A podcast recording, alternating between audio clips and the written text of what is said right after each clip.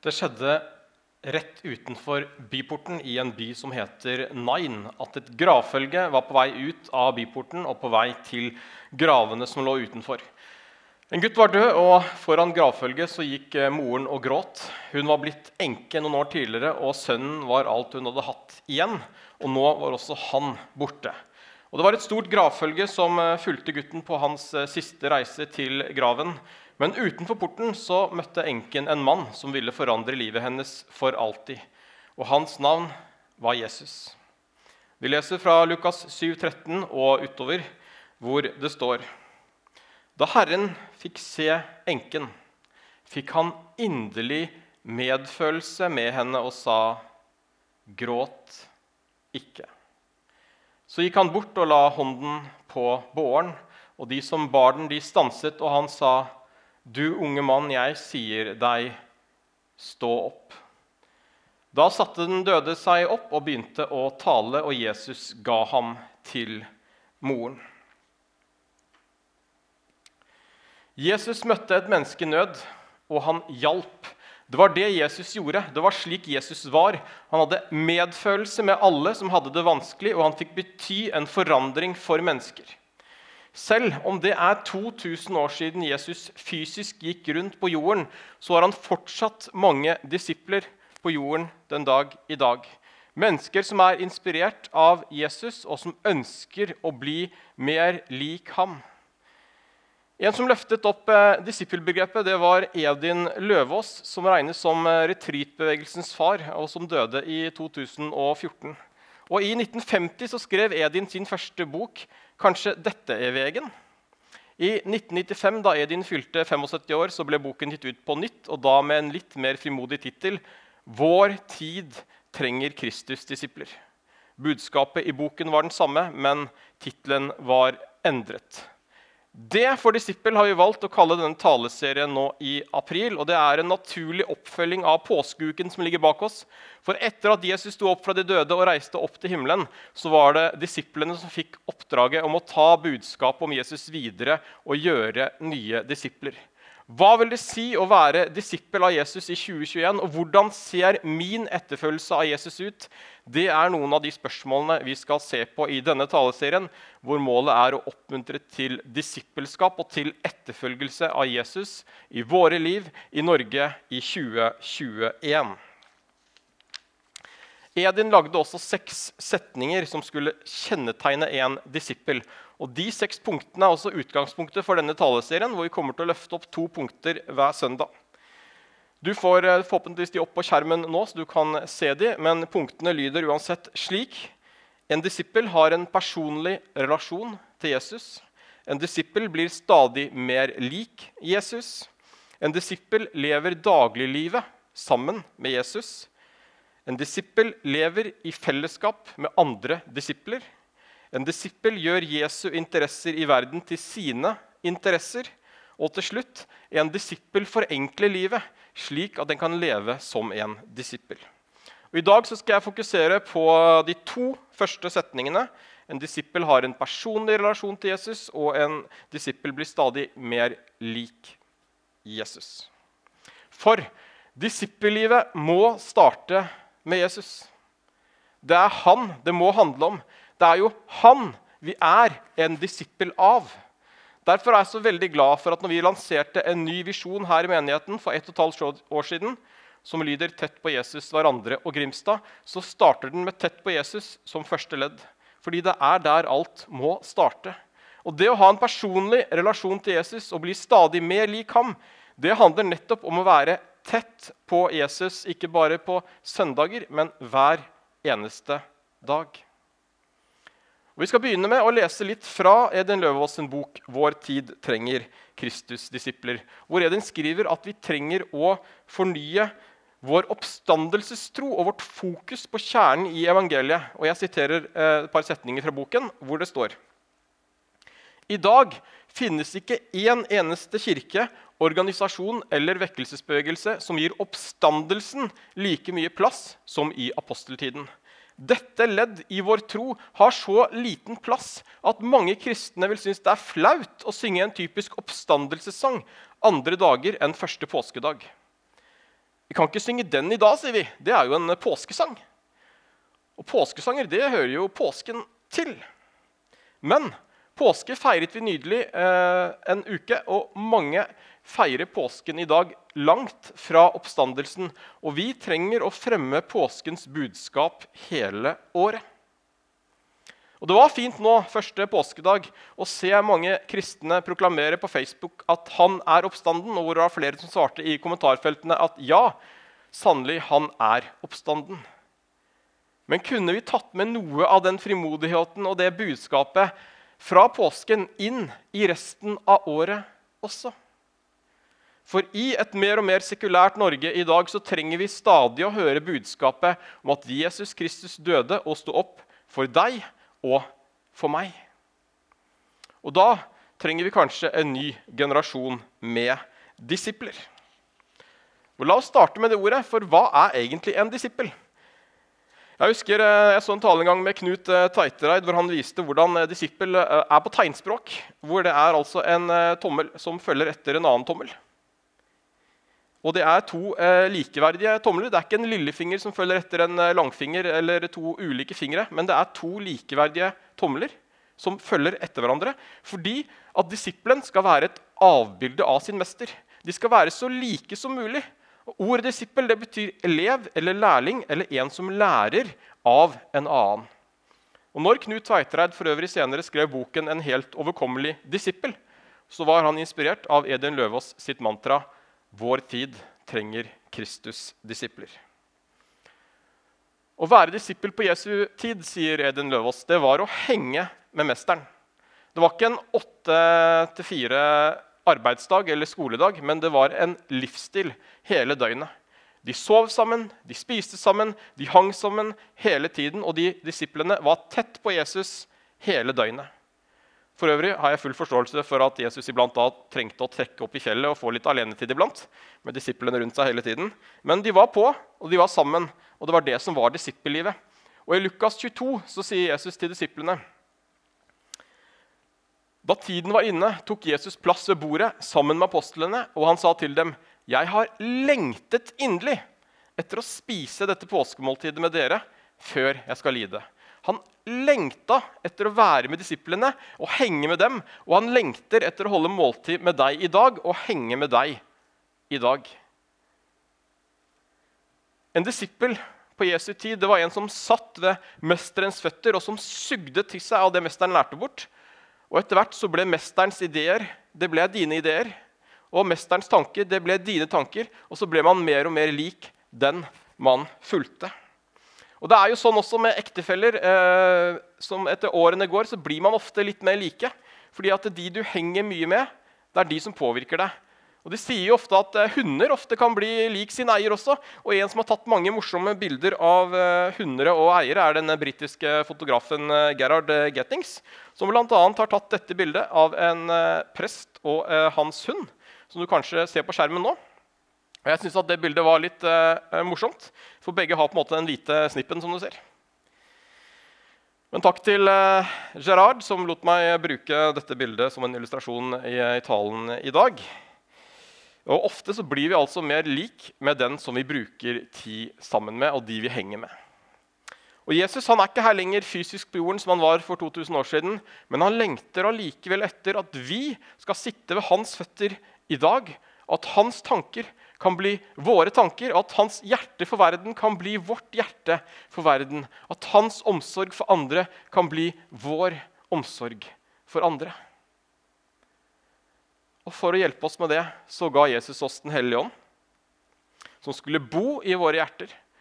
Og Åndens primære oppgave det er å hjelpe oss til å bli mer lik Jesus. Det er Jesu ånd som lever i deg og meg, og som kan lede oss og gi oss det vi trenger for å stadig bli mer lik Jesus. Vi klarer ikke det på egen hånd, så vi blir avhengig av ånden. Og Hvordan kan det se ut da, om vi blir mer og mer lik Jesus? Jesus? Hvordan syns det for andre at vi er en disippel av ham i hverdagen? Jo, Galaterbrevet kapittel 5, vers 22-25 sier Men åndens frukt er kjærlighet, glede, fred, overbærenhet, vennlighet, godhet, trofasthet, ydmykhet og selvbeherskelse. Slike ting rammes ikke av loven. De som hører Kristus til, har korsfestet kjøttet med dets lidenskaper og begjær, og lever vi ved Ånden, så la oss også vandre i Ånden. Sto det der.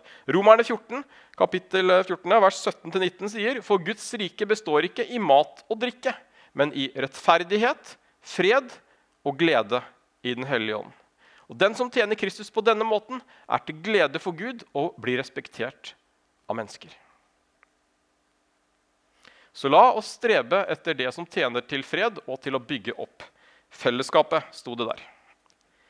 Bringer vi fred, glede, godhet og ydmykhet til de menneskene vi møter rundt oss? Hva er det du er en bærer av? Det var det Jesus bar rundt på. Han kunne kjennetegnes på fruktene, for, og hva slags frukt er det du bærer? Og Selv om vi ønsker å være disipler, så klarer vi ikke å gjøre alt rett hele tiden. Og det er lov å bli sint iblant, det er lov å gjøre feil iblant, for det gjør vi alle. Vi er bare mennesker. Men hva er frukten av våre liv på lang sikt, da? Når vi ikke har en dårlig dag, bærer vi frukt de andre dagene?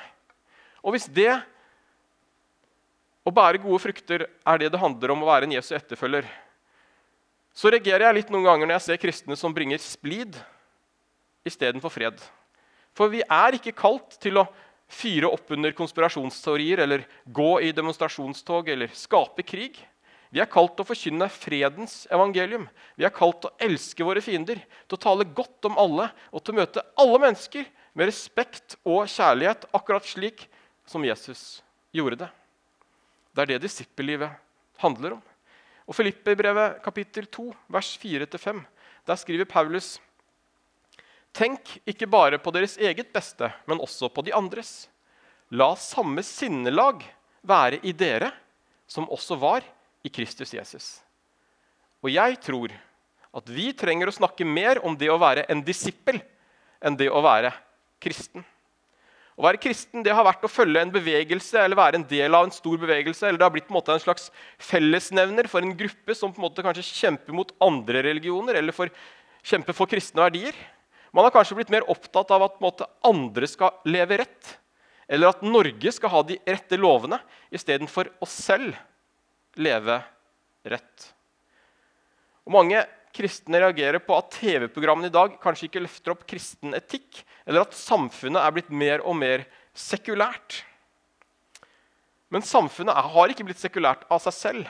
Jeg tror det ofte handler om at Kirken har mista fokus. At disiplene har blitt kulturkristne, hvor det er mindre ånd og mer tradisjon. Det er mindre ånd og mer kultur. Det er mindre ånd og mer forførelse. Så må vi gjerne gå rundt og synes at det er altfor mye fri sex på TV, at Paradise Hotel og Ex on the Beach og så er moralske dårlige program. Og det kan det godt hende at de er. Men vi endrer ikke norsk kultur ved å sende en klage til Kringkastingsrådet eller til å stå utenfor Stortinget med en plakat.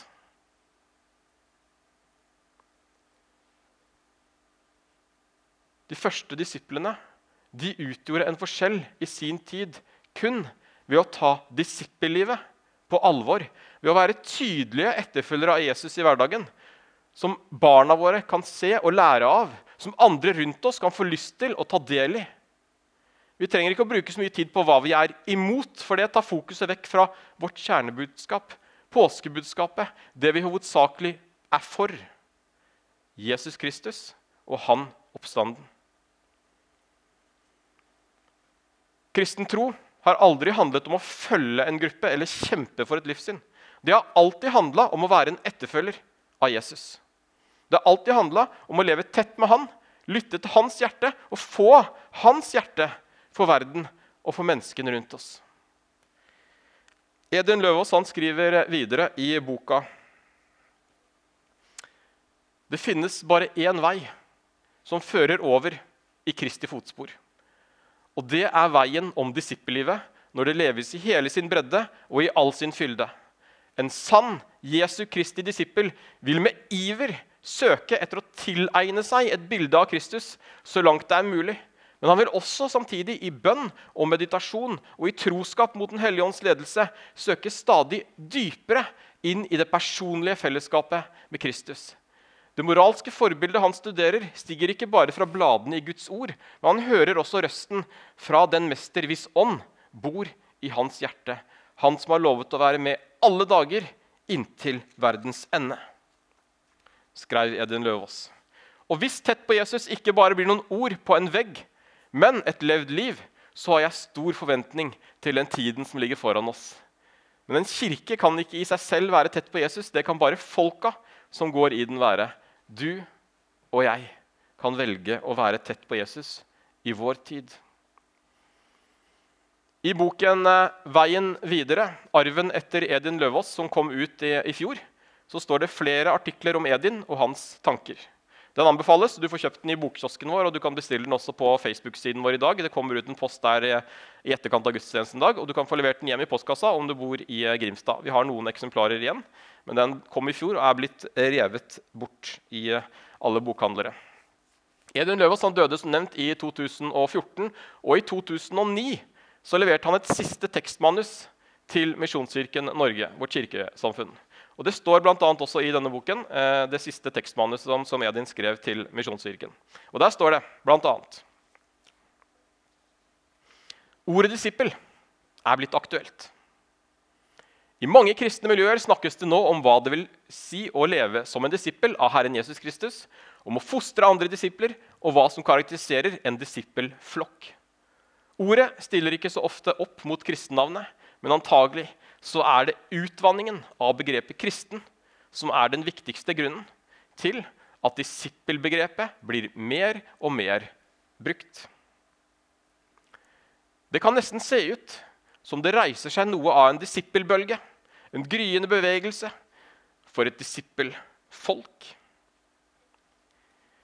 Noe som for mange vil være vanskelig å forstå, er at disippelbegrepet for 50 år siden nesten ikke var brukbart i det hele tatt, skriver Edin. Ikke for kristne mennesker heller. Det hadde en sekterisk klang. Nesten ingen brukte det i prekener, i samtaler eller artikler og bøker. Og slik var det, selv om disippelbegrepet er sentralt i Det nye testamentet. Der står ordet 258 ganger, om du tar med alle formene.